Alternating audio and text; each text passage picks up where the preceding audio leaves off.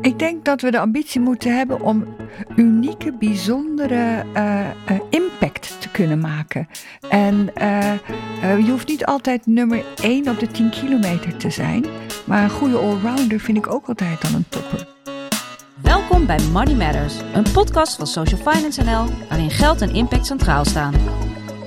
Door in gesprek te gaan met politici, investeerders, filantropen, banken, sociaal ondernemers en andere specialisten, proberen we antwoord te krijgen op de vraag hoe je sociale impact het beste kunt financieren. Hi en leuk dat je luistert bij Money Matters. Ik ben Ruben Koekoek, Social Finance NL en vandaag als co-host... Björn Venema, ook van Social Finance NL. Welkom Björn. En vandaag is een thuiswedstrijd. Absoluut. Wil jij de gast van vandaag introduceren? Heel graag. En eigenlijk behoeft ze helemaal geen introductie meer, want ze was al eerder te gast. Tijdens aflevering 10 van seizoen 1 uh, bespraken we met haar hoe je een ecosysteem creëert voor het financieren van sociale impact. Ze is namelijk de specialist in het organiseren van productieve netwerken tussen en binnen bedrijven. Met haar overkoepelende visie weet ze altijd vlijmscherpe analyses te maken. Dus met wie beter dan opnieuw het seizoen en het jaar af te sluiten dan onze eigen voorzitter, professor Annemieke Robeek. Dankjewel, dankjewel. Leuk om hier weer te zijn. Ja, gezellig. Ja, de, de, de luisteraar kan het niet zien, maar we hebben champagne en we hebben taart. Het is uh, de, de laatste aflevering van het jaar. We gaan de kerst in. Ja. Het is feest. Feestje. Ja.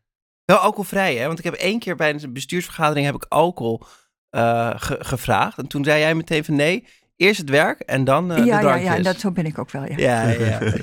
Hoe is het met je? Ja, wel goed hoor. Een jaar is eigenlijk ontzettend snel voorbij gegaan. Hè? En uh, ja, ik denk dat er um, aan de ene kant denk je, god, er zit zo'n coronawolk overheen. En aan de andere kant gaat ook weer heel veel door. En uh, best ook wel veel mooie dingen. En, uh, en ik denk dat een belangrijk ding is dat er toch, ondanks dat we dachten dat we allemaal een beetje in de depri-stand stonden, toch heel veel optimisme komt. Optimisme over hoe we anders kunnen werken. Optimisme over, um, ja, ik denk toch het veel breder inzicht van uh, duurzaamheid loont. Uh, maar ook uh, meer zicht op. er zijn wel erg veel grote maatschappelijke vraagstukken. En die zijn de afgelopen jaren wel wat minder aan de orde geweest in de politiek. Maar des te meer en des te belangrijker dat een social finance daar werkt. Kijk, dat, dat horen we graag. En ook dat optimisme pakken we vast in deze, deze podcast. Dat houden we erin. Want we gaan straks drie stellingen bespreken. En in die drie stellingen gaan we ook terugblikken op al die gasten die ook dit seizoen, seizoen 2 van de podcast, weer de revue passeerden. Uh, maar dat doen we niet uh, als eerst. We gaan eerst naar de vaste rubriek De Uitgeleider. Geld en impact staat centraal deze podcast. En we hebben altijd eindverantwoordelijken aan tafel die belangrijke financiële beslissingen nemen. Maar ook die maken privé wel eens een uitgeleider. En daarom aan jou de vraag, Annemiek. Wat is de uitgeleider die jij met ons wil delen? Ja, nou, dit keer dacht ik privé eigenlijk niet zo. Ik ben best wel prudent en, en eigenlijk heb ik helemaal geen grote uitgaven gedaan uh, dit jaar.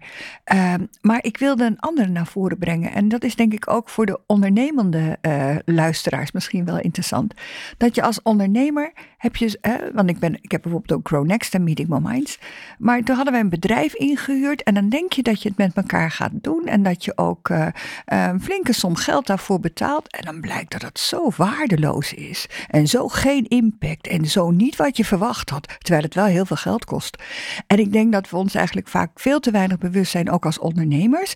Dat we geld uitgeven zonder dat we vooraf kijken van. Um, heeft dat bedrijf echt wel die credentials om het te kunnen doen? Terwijl we dat eigenlijk aan de sociale kant, uh, dat peuren we aan de hele kant uit. En iedereen moet altijd met al zijn billen bloot.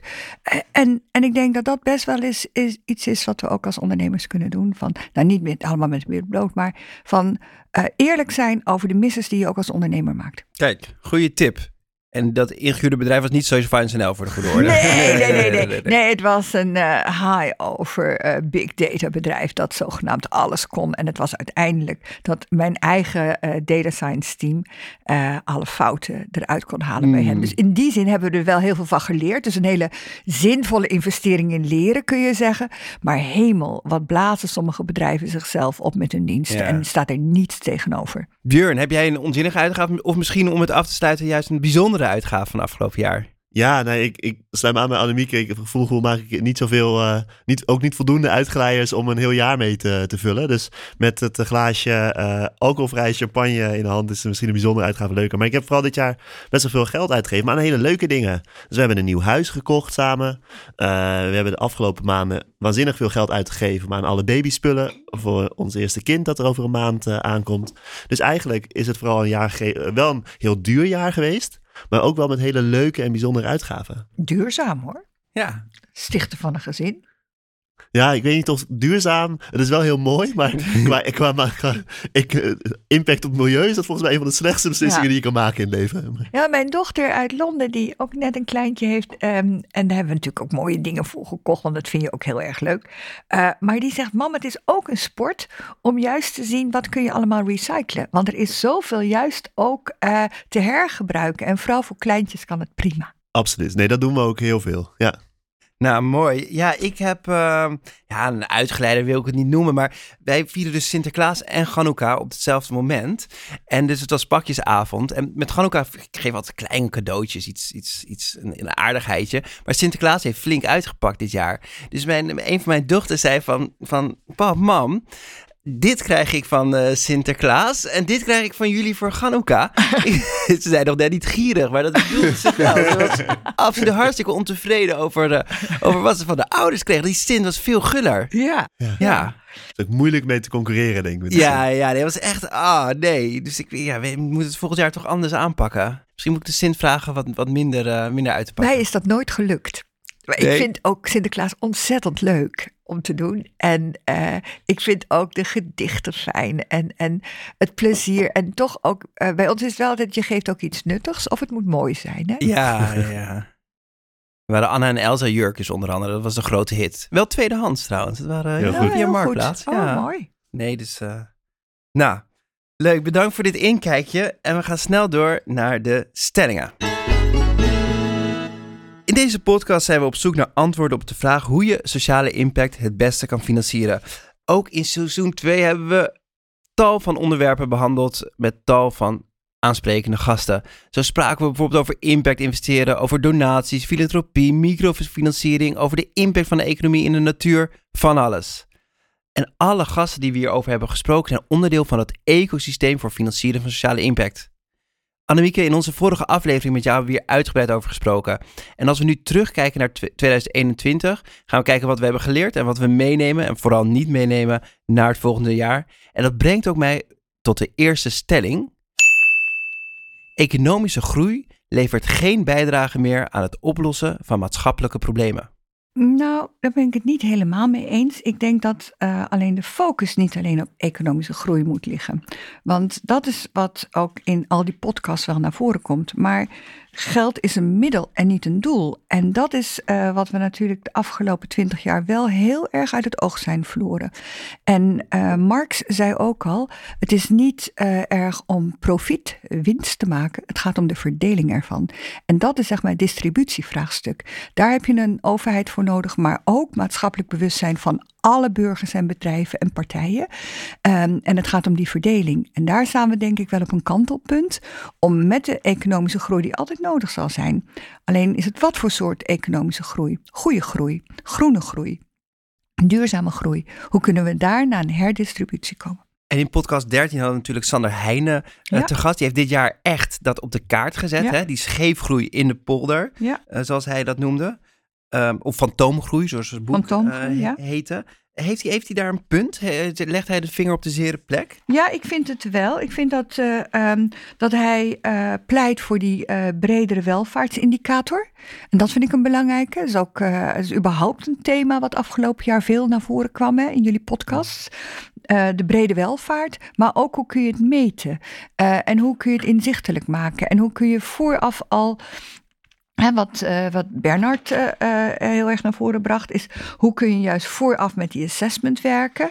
Maar ook hoe kun je, hè, zoals Michel Scholte, de true price doen. Door eigenlijk ook al vooraf de, um, nou ja, de externalities, hè, dus de niet bedoelde neveneffecten, ook mee te nemen in je prijs.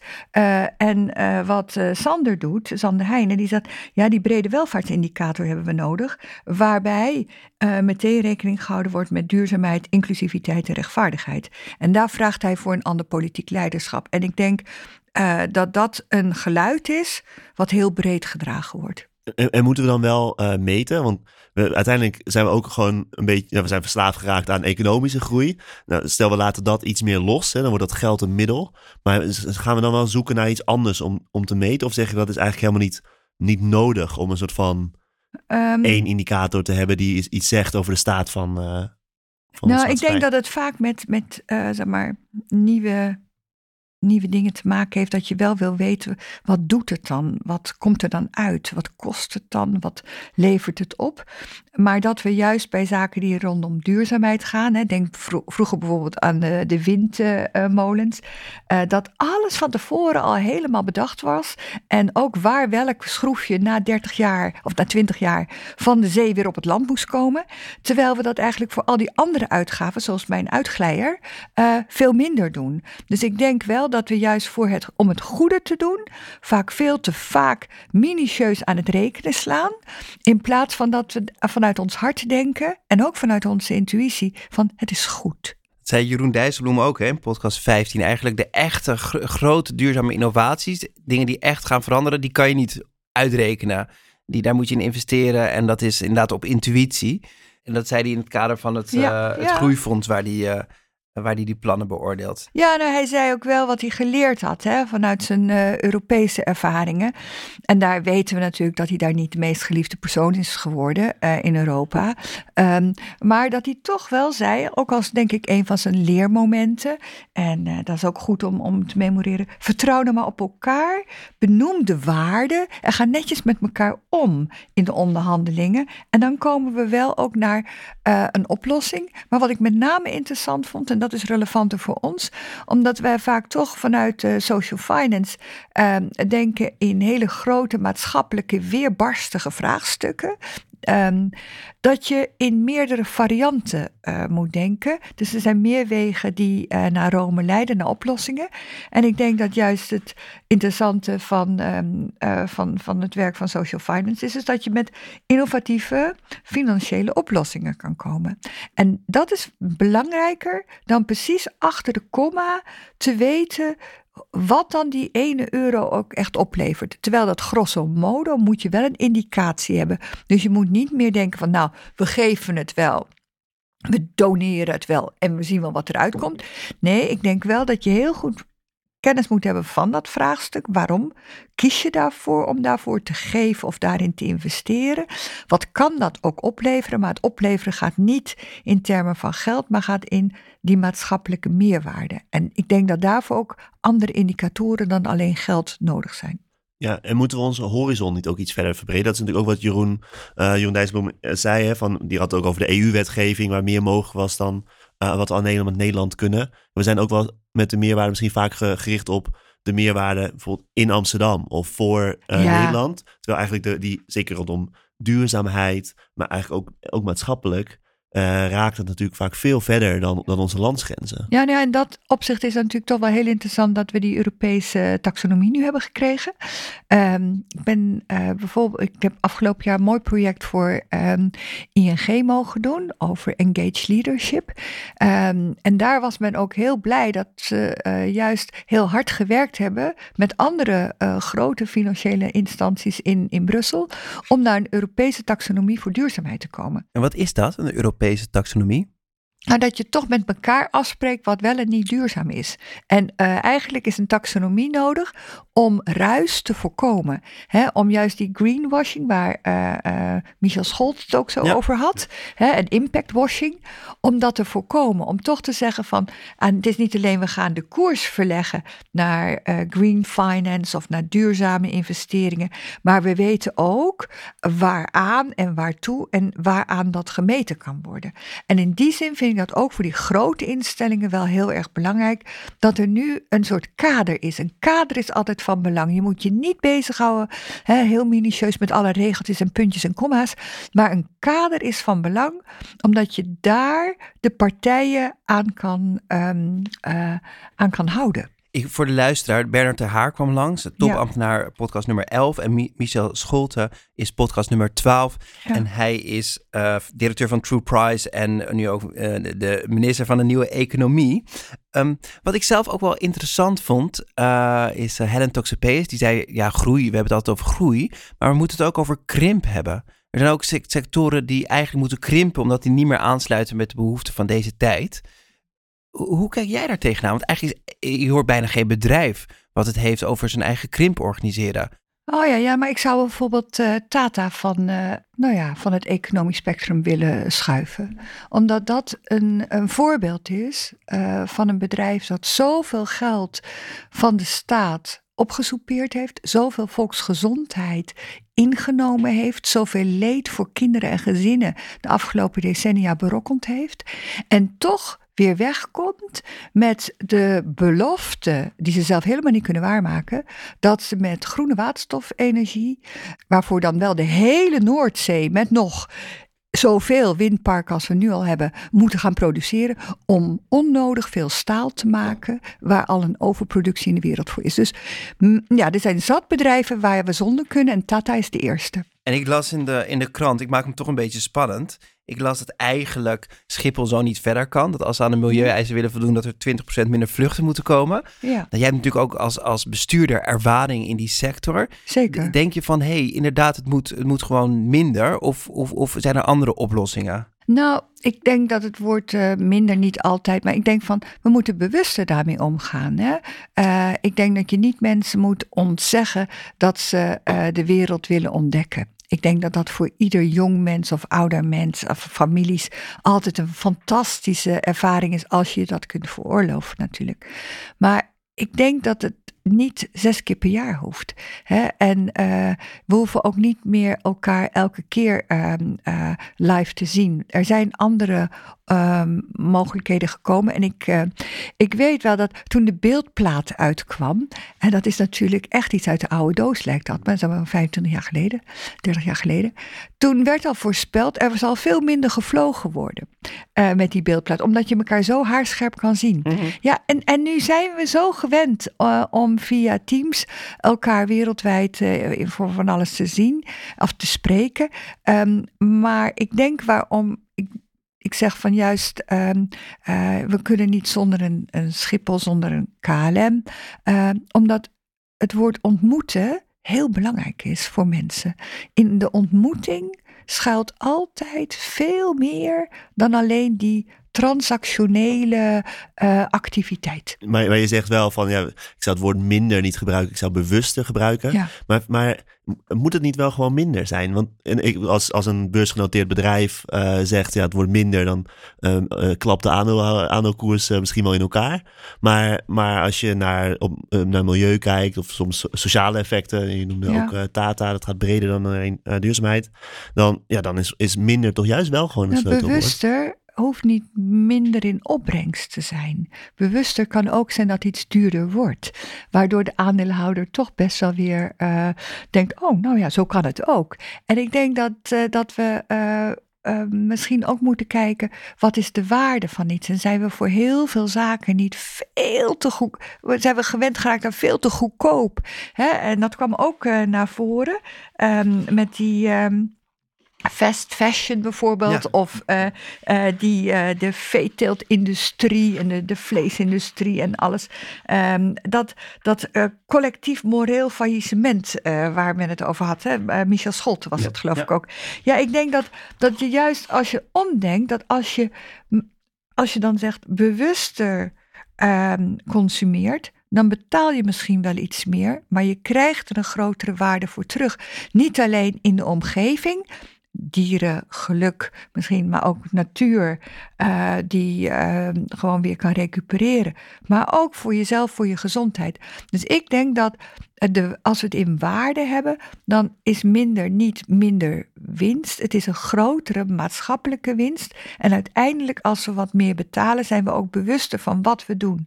En, en die kant moeten we op. Uh, dus uh, ja, groei kan zeker behulpzaam zijn om maatschappelijk vraagstukken op te lossen, maar bewuste groei waarbij je stuurt op de juiste ja. uh, dingen. En wat ik wel mooi vond van Karen Maas, podcast 22, dat ze wel heel duidelijk zegt, ja, als bedrijf moet je natuurlijk proberen te veranderen. Maar uiteindelijk moet die overheid wel Ja. hele harde kaders stellen. Want Ja. het bedrijfsleven kan het niet alleen. Ja. We gaan snel door naar de tweede stelling. Nederland is koploper bij het creëren van een ecosysteem voor maatschappelijke financieringen. Is dat zo? Dat is een vraag Ja, voor nee, jou. dat, is de, dat is de vraag. Nou ja. ja, ik zou dat misschien. Weet je, ik denk dat het zo gevaarlijk is van ons land altijd dat we ons. En dat zoveel mensen denken dat wij altijd met alles voorop lopen. Ja, Terwijl ik- boostershots. Eh, Ja, en ik ik denk dat de werkelijkheid altijd omgekeerd is. Hè? Eh, op alle grote vraagstukken lopen wij vaak juist achter, behalve bij de digitalisering. Oké, Ja, omdat we namelijk wel heel goed een, eh, een heel goed netwerk hebben aangelegd. eh, of het nou van eh, glasvezelnet is Ja. enzovoort. Maar, maar, maar op heel veel punten zijn we juist helemaal geen koploper. Maar Nederland wil altijd zo graag gidsland zijn. Ik weet niet waar dat vandaan komt. ja. Ja, ik weet het ook niet. En ik denk van, eh, ja, social finance met alle respect, maar we waren niet de eerste. Ze waren wel in de UK eerder. Ja, we zijn wel de beste. Dat sowieso. Ik vind jullie geweldig. nee, maar, nou, wat ik wel interessant vond, dat zei Jeroen Dijsselbloem ook, die er eigenlijk, en zeker als je kijkt naar natuur, want we hebben met hem veel over biodiversiteit gehad, er eigenlijk falen we als Nederland compleet. En er is één iemand die nog een beetje de natuur in Nederland redt, en dat is Europa. Europa redt de natuur. Ja, bijvoorbeeld de stikstof. eh, ja, ja. ehm, ja, nee, maar ik ben wel, ik ben natuurlijk een enorme eh, Europeaan. Hè? Ik heb zeven jaar op het Europees Parlement vroeger gewerkt. Ehm, ik vind, eh, ehm, nee, zonder Europa zouden wij eh, helemaal geen kader hebben. Dus ik ben ongelooflijk blij met de Green Deal bijvoorbeeld. Eh, omdat dat zo goed weer een kader aangeeft waar we met elkaar over silo's, organisaties, zelfs landen heen, grootser moeten denken en doelstellingen moeten gaan realiseren. En, en het goede van die Green Deal is inderdaad dat we eh, dat met elkaar kunnen doen. En dat Europa eindelijk, misschien wel voor het eerst, met elkaar eh, een jump kan maken. Een sprong vooruit kan maken. En dat gaat verder dan welk van de, eh, van, van de aparte programma's. Dus ik denk dat, dat het belangrijk is om inderdaad groot te denken Europees te doen. Maar niet om als Nederland ons op de borst te kloppen. Want het, daar, juist in Europa komen wij bij alles altijd als laatste. Maar er is wel, eh, je hoeft jezelf niet op de borst te kloppen. maar We mogen wel streven naar, eh, naar, naar beter doen, denk ik. En Mhm. ik, we hebben natuurlijk een enorm grote pensioensector. eh, waar veel naar wordt gekeken. Ook naar wat zij doen op het gebied van duurzaamheid. En waar zij hun geld aan besteden. Nou, volgens mij in de podcast met Lore Semius ging het natuurlijk over. Die, die zei van, nou, we zijn, we zijn wel op weg om wereldkampioen te worden. Dat is misschien wat ambitieus. Maar, maar is, er niet, is het niet goed dat we ook wel een ambitie hebben om te proberen om voorop te lopen? Ik denk dat we de ambitie moeten hebben om unieke, bijzondere eh, eh, impact te kunnen maken. En eh, je hoeft niet altijd nummer één op de 10 kilometer te zijn. Maar een goede allrounder vind ik ook altijd al een topper. En ik zou het liever op die manier zien. En als we het hebben over de pensioenfondsen. Nou, ik ben zelf altijd nauw bij PGGM betrokken geweest. En we weten ook dat dat een hele gedegen pensioenfonds is. Maar we zien juist, denk ik, ook afgelopen eh, jaar dat eh, de pensioenfondsen meer naar buiten komen. En ik denk dat ABP heeft dat natuurlijk wel gedaan. Hè, met eh, nou, nu toch te zeggen van we gaan afbouw doen in de fossiele eh, investeringen in de fossiele energie. Ja, ik denk dat dat goed is. ABN AMRO heeft dat ook al, eh, aan, al, al eerder aangekondigd. Keuzes maken, daar gaat het om. En kijken van wat kun je met geld goed doen in plaats van alleen maar het vermogen te vergroten. En ik denk dat daar wel ook een generatieverschil nu in komt. Want uh, mind you, een pensioenfonds zoals het ABP is een onmogelijke governance structuur. Met nog steeds waar zeg maar de de, de, de, generaties die zelf het directe profijt hebben van dat vermogen, dat die altijd de boventoon kunnen voeren. En ik denk dat het zo belangrijk is dat er, en dat heeft ook uh, uh, ABP wel geprobeerd, maar niet helemaal doorgezet, uh, om toch juist met de stakeholders veel meer te kijken van wat zijn echt die vraagstukken, hoe kunnen we met elkaar andersoortige, grotere projecten gaan doen, um, waarbij niet meteen de, de opbrengst voorop staat, maar de impact. Maar ik denk dat juist en dit is ook een oproep uh, aan alle uh, 65-plussers en pensioentrekkers. Mm-hmm. Uh, om te zorgen dat zij nou juist eens een keertje intergenerationeel moeten denken. En niet meteen denken van nu trekken wij het leeg terwijl zij het minste eraan betaald hebben. Want mind you, het zijn de jongere mensen. En ook zelfs mijn generatie, die gewoon veel meer betaald hebben aan al die pensioenen. Uh, waar de oude generatie, de oude, eh, nu de vruchten van plukt. Kijk, stevige uitspraak. En ik denk sowieso, dat is eerder voorbij gekomen, dat de jongere generatie op vele vla- vlakken toch wel de rekening gepresenteerd eh, eh, krijgt. Ik ga, me ik ga het toch nog even opnemen voor ons eh, kikkerlandje. Want jij bent natuurlijk gespecialiseerd in ecosystemen, Ja. netwerken van netwerken. hebben we in podcast nummer 10 geleerd. Ja. Ehm, is dat niet iets waar we wel bovengemiddeld goed in zijn om zeg maar het samen te werken Ja. eh, bij, buiten de sector met andere partijen? Is, eh, er is veel vertrouwen in ons land. Is dat niet iets waar we op voorop lopen? Ja, ja, er is heel veel vertrouwen in eigen kring. Hmm. Ehm, en, en dat is natuurlijk wel zo, dat we heel veel op de informele lijnen doen en dat we daardoor ook veel met elkaar voor elkaar krijgen. Maar eh, ik denk dat het, eh, eh, dat het ook nog wel een, opgave is om ehm, de lijntjes tussen de verschillende bubbels Ja. eh, eh, mm, wat, wat transparanter te maken, wat, en de, daar snelwegen van te maken in plaats van dat het alleen maar informele personele lijntjes zijn. Ook al hebben wij heel veel fondsen eh, waar, ehm, nou ja, met de doelstelling om goed te doen. Het zijn toch allemaal bubbeltjes die allemaal willen dat je in een bepaald hokje zit en door een bepaald hoepeltje springt, in plaats van dat ze vanuit de grote vraagstukken redeneren. Want als je redeneert vanuit de vraagstukken, zouden we heel veel van die, van die fondsen en van die eh, stichtingen, en waar allemaal niet geld eh, in, in, in eh, en dergelijke zit, zouden we veel productiever kunnen inzetten. En ik denk dat dat wel iets is. Kom uit die bubbel, kom uit je eigen fondsje, doe meer samen en, en stel ehm, je op voor grote vraagstukken. En die zijn er zat. Kijk, en, en die, die samenwerking tussen overheid en filantropie kwam ook dit seizoen weer aan bod. Ja. Onder andere met Bernd Snijders. Die was Ja. burgemeester van Haarlem en nu directeur bij het VSB-fonds. podcast nummer 17, Ja, voor ja, degene die zeker. die wil luisteren. Ja. Hoe kijk jij daar tegenaan, Björn? Want jij werkt ook veel samen met, met klanten die juist eh, die oversteek willen maken om samen te werken met andere sectoren. Denk jij dat wij daar in Nederland echt goed in zijn? Of zie je bij andere social finance organisaties dat het eigenlijk in andere landen makkelijker gaat? Nou, soms gaat het in andere landen makkelijker, maar dat is niet altijd beter. Ik denk dat we in Nederland wel echt goed zijn in, eh, in het uit, nou, in ieder geval het uitspreken van een wens, maar ook daarna eh, een poging te doen om samen te werken voorbij je eigen sector. Eh, je merkt wel dat, dat de overheden echt duidelijk op zoek zijn naar hoe kunnen we meer met die filantropie gaan samenwerken. En, en ook eh filantropen en investeerders meer aan het kijken zijn, oké, hoe kan ik samenwerken met, met die andere kant? Of hoe kan ik een stap maken in, eh, op het gebied van impact? Terwijl je bijvoorbeeld, als we kijken naar de VS, daar gaat het een en ander best wel makkelijker. Maar dat is vooral omdat er een paar hele grote miljardairs heel veel geld eh, eh, investeren en, en in hun eigen bubbel eigenlijk een Ja, stap ja. vooruit zetten. Ja. En dat maakt het werk misschien wel makkelijker. Ja. Maar ik denk maar voor de duurzaamheid van, dat soort, van het implementeren van dat soort oplossingen is dat niet beter. Nou, En- en, ja. ja. en ik denk zelf, hè, wat Bernd ook, eh, Bernd Snijders uit, eh, van het VSB-fonds ook wel aangaf, die samenwerking tussen gemeenten en andere financiers is nodig. Nou, dat is wel natuurlijk eh, meteen in het hart van het werk ook van social finance. Ehm, want de gemeenten die willen best wel projecten opzetten, maar hij geeft ook heel duidelijk aan, de continuïteit van projecten, met name in buurten, eh, is heel vaak eh, heel snel weer in het, eh, in het gevaar, juist omdat het, men in de korte klap alleen maar investeert. En het omgekeerde doet social finance. En dat maakt het zo'n bijzonder innovatieve fin- financiële ehm eh, goeddoenorganisatie.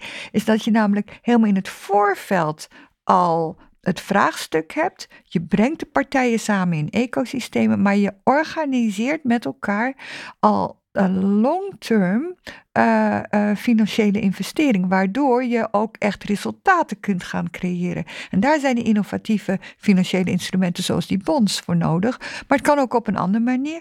Maar we merken ook wel dat gemeentes daar ook wel, ja, die moeten dat ook leren. Hè? En Social Finance heeft natuurlijk niet voor niks daarvoor ook allemaal cursussen opgezet.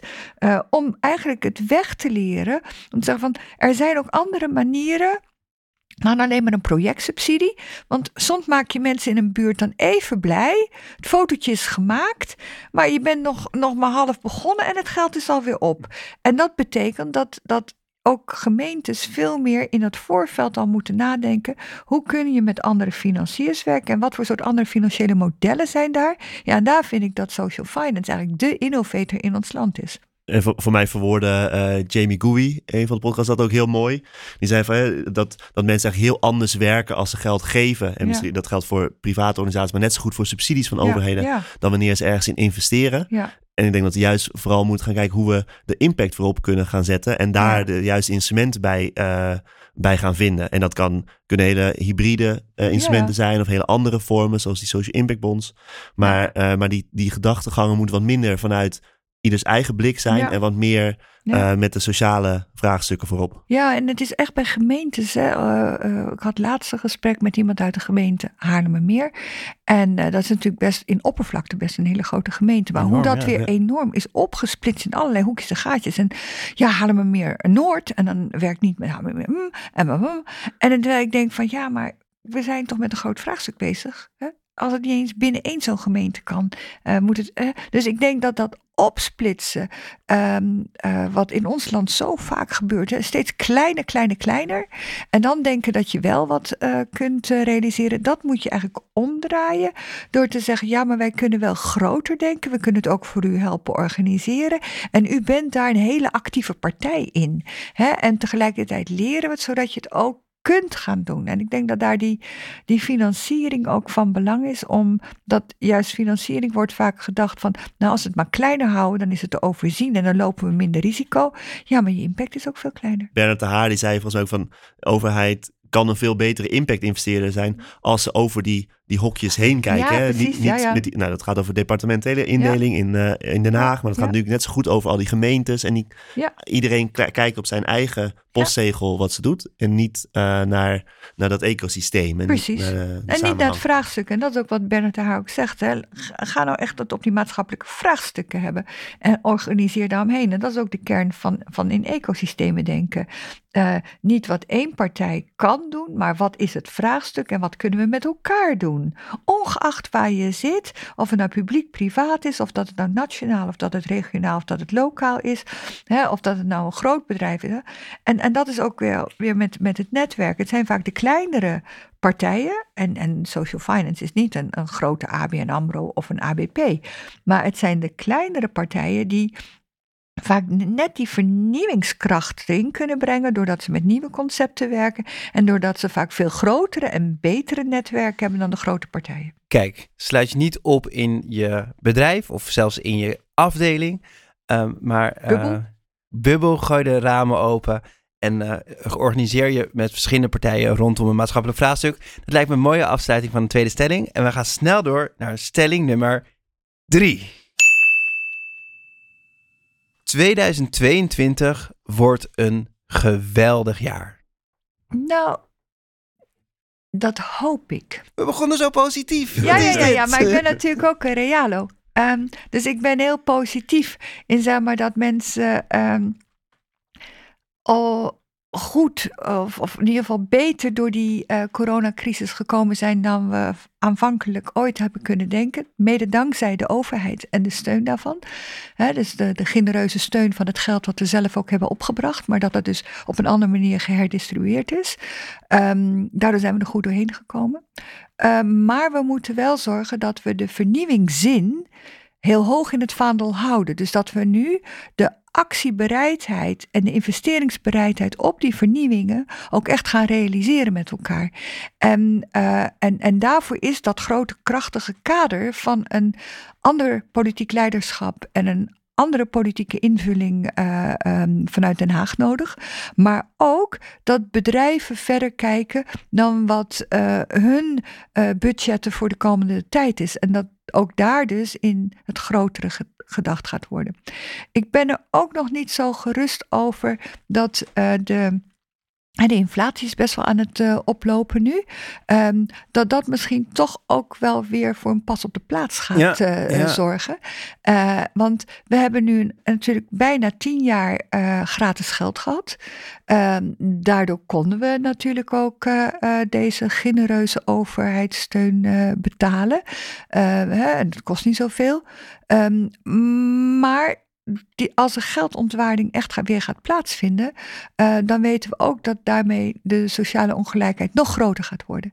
En dat daarmee juist aan de maatschappelijke vragen kant uh, er nog grotere uitdagingen komen. Die zorg heb ik ook wel. Björn, Ja. heb je, kan jij nog wat positiever nieuws brengen over het komende jaar? Wat gaat er allemaal gebeuren? Wat, eh, wat gaat er allemaal gebeuren, dat weet ik eigenlijk niet. Maar eh, nou, ik, ik ben in de algemene zin heel erg positief over, over komend jaar. En, en, en de, ontwikkelingen die bijvoorbeeld de impact investing sector denk ik nog eh, sterker zal gaan maken. Eh, dat, dat, dat gaat denk ik heel erg de goede kant op.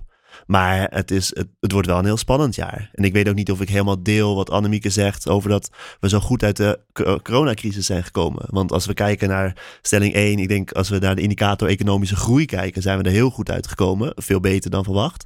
Maar als we kijken naar de brede welvaart en de, en dat de tweedeling, de ongelijkheid, Precies. mentale gezondheid. Dan zijn we eigenlijk best wel slecht misschien uit die crisis gekomen.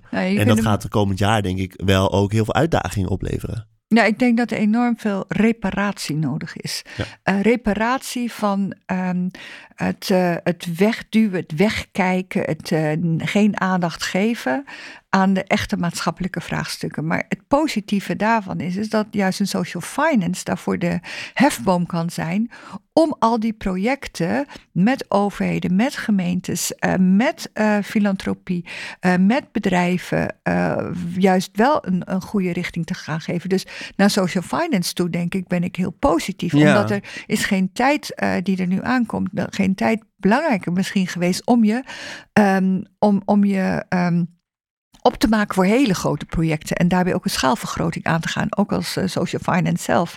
Ehm, maar het zijn natuurlijk wel voor vraagstukken die eigenlijk helemaal niet zo fraai zijn. Want die hadden misschien niet eh, er hoeven te zijn als je een betere verdeling had gehad of een betere aansturing vanuit de politiek. En, en ik denk dus dat eh, social finance heel veel werk te doen heeft. ehm, en dat we dat ook kunnen organiseren.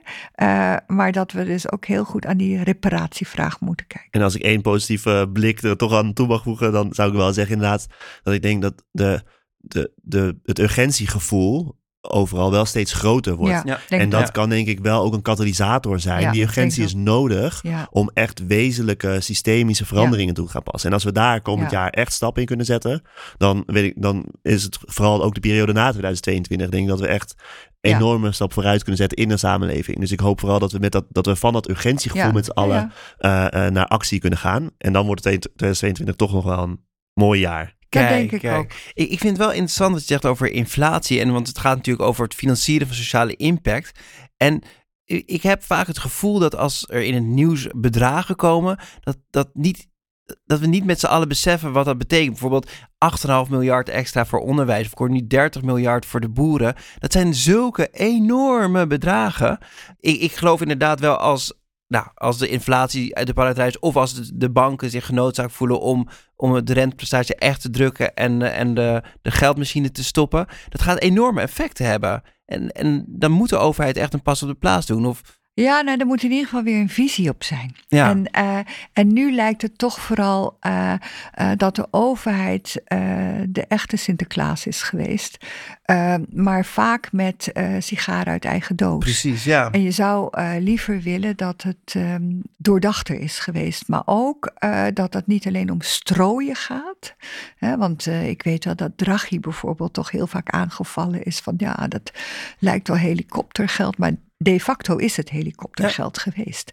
Eh, belangrijker zijn juist dingen zoals eh, eh, structurele. ehm, veranderingen. Hè, wat vandaag bijvoorbeeld naar, boven, of naar voren kwam. Veranderingen in de BTW. bijvoorbeeld eh 0% op verse groente en fruit. Veel belangrijker. Hè? Ja. Dat zijn de dingen die eh, mensen in staat stellen om eh, structureel bijvoorbeeld aan een ander dieet te gaan werken. Ja. vind ik heel belangrijk vanuit de volksgezondheid bijvoorbeeld, maar ook vanuit het eh, welzijn. Maar die grote bedragen voor het uitkopen van boeren die toch al miljonair zijn, vind ik eigenlijk niet zo passen. Eigenlijk, en dat is misschien ook wel een mooie opgave voor het nieuwe kabinet. Eigenlijk zou je het belastingstelsel zoals we dat nu hebben moeten aanpassen naar zeg maar, de true price van Ja, die geschuld. En, Ja, ja. en hoe, hoe dat we dingen die belastend zijn gaan, gaan belasten. Zoals eh, de, de naam het ook zegt. En dingen die, die juist gezond zijn, dat we dat gaan belonen. Ja, en arbeid ook eh, veel Ja. minder. eh ik bedoel, daar hebben we natuurlijk ook met vanuit de belastingkant, vanuit de TaxX of zo, X-Tax. X-Tax. X-Tax hebben we daar natuurlijk ook al veel rapporten over gezien. En eigenlijk wordt het ook heel breed gedragen. Maar institutionele veranderingen gaan heel moeizaam. En bij het misschien wat machtigste instrument uh, wat de overheid heeft, uh, de belasting, gaat het tergend langzaam. Dus daar zou je echt op een andere manier waarden moeten inbrengen. En ook naar mensen moeten kijken die daar leiding aan geven, die lange termijn zijn, die niet altijd um, de, de makkelijkste slachtoffers pakken, um, verkeerd met data omgaan en uiteindelijk uh, de hele maatschappij opladen met schulden. Want uh, de toeslagenaffaire is uiteindelijk een waanzinnige schuld die we als hele maatschappij moeten dragen, doordat er door enkelingen met verkeerde waarden en verkeerde ideologische aansturing uh, uh, gewerkt is. Ja, nee, ik heb moeilijk uh, om hier nog wat op aan te vullen. ik, ik zou alleen nog willen zeggen dat ik, ik, ik zou het willen aanvullen met, jij zei het eerder al, Annemieke, de, de oproep van, van Bernard. Ja. om dan ook bij het maken van keuzes daar vooraf echt bewust over na te denken. Dus die waarden te includeren in bijvoorbeeld een impact assessment als we ergens uh, geld als uh, overheid gaan aan, ja. uitgeven. Um, zodat we, en dan, en dan kan je hopelijk ook die, die, die inflatie uiteindelijk misschien wel gewoon de baas, als je op, echt in een lange termijn kan investeren, echt kan nadenken over het, het benutten van onze middelen, en, en die hebben we. voor dingen die echt op termijn bijgedragen aan een betere welvaart, een beter welzijn en, en een gelukkige samenleving. Kijk, en nog, dan nog toch even terug naar onze eigen bubbel en voor social finance. Wat, uh, wat, wat voor jaar verwacht jij, Björn? Ik denk een heel mooi jaar. Ik denk dat we uh, ondanks uh, alle ontwikkelingen in de samenleving ook een heel mooi 2021 hebben gehad. Daar kunnen we denk ik op terugkijken. en de, het komend jaar hoop ik dat er wel echt een stap gaat zetten, gezet gaat worden naar structurele financiering op outcomes. Dus ja. waarbij outcomes en impact op veel meer plekken een veel belangrijker, uh, een belangrijk onderdeel gaat worden van de financiering van uh, sociale vraagstukken. En, uh, en daar gaan we hopelijk heel, heel hard aan bijdragen. Ik zie een tevreden voorzitter knikken. Ja, ik ben waanzinnig trots op jullie en dat zeg ik ook heel vaak. en ik denk dat jullie met Social Finance NL, jullie zijn zo nodig en jullie tijd komt nog. En volgend jaar begint die heel goed en heel groot. Kijk, dankjewel. We hebben het gehad over de economische groei die een bijdrage kan leveren aan maatschappelijke vraagstukken, maar wel op een manier die werkt volgens de bedoeling dat er gestuurd wordt op de juiste, juiste uh, waarden. Nederland is helemaal niet zo'n koploper in van alles en nog wat. We kunnen wel elkaar eh, vinden. Maar om echt te organiseren rond het maatschappelijk vraagstuk, daarvoor is nog heel wat te doen. En ja, het wordt misschien wel een geweldig jaar, maar dat moeten we er echt wel zelf van maken. Dat komt zeker niet vanzelf. En er zijn genoeg vraagstukken die schreeuwen om een oplossing. Dankjewel, uh, Annemieke. Um, we sluiten deze podcast normaal af met een advies. Maar mag ik dit keer, omdat het toch een bijzondere aflevering is, vragen of je een wens hebt voor het komende jaar? Uh, ja, meer samen. Dat is kort en krachtig. Dankjewel. Björn, wat neem jij mee uit deze podcast? Nou, misschien niet alleen deze podcast. Maar voor deze podcast hebben we al met z'n drieën best wel ons voorbereid door terug te blikken op het afgelopen seizoen.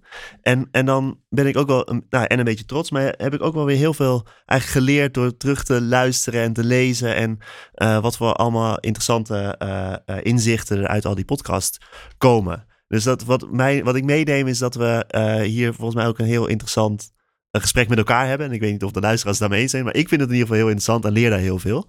En uh, daar wil ik ook jou bedanken, uh, voor bedanken, Ruben, als, uh, als host van al die podcasts. Nou, nou dankjewel. Dankjewel. En nou, ook super bedankt dat we dat zo vaak samen mochten doen. Björn en, en Annemiek, het was weer geweldig om jou in de, in de studio te hebben.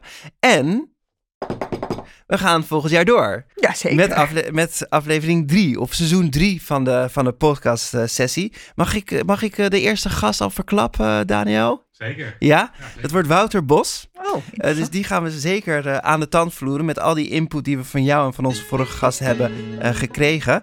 Um, dus ik zou zeggen, blijf erbij. Begin januari zijn we weer in jouw favoriete podcast app. En uh, laat het ook weten wat je van ons uh, vindt via info.sokvin.nl. En vergeet ook niet een recensie achter te laten in de iTunes podcast app. Nogmaals dank uh, Björn en Annemiek en ook Abin AMRO en het Oranje Fonds. Wil je ook in dat mooie lijstje meld het ons, want we kunnen nog wel steun gebruiken voor de podcast. Productie Dario van der Poppen, redactie Daphne Sprecher en Nina Berkelo. En tot volgend jaar.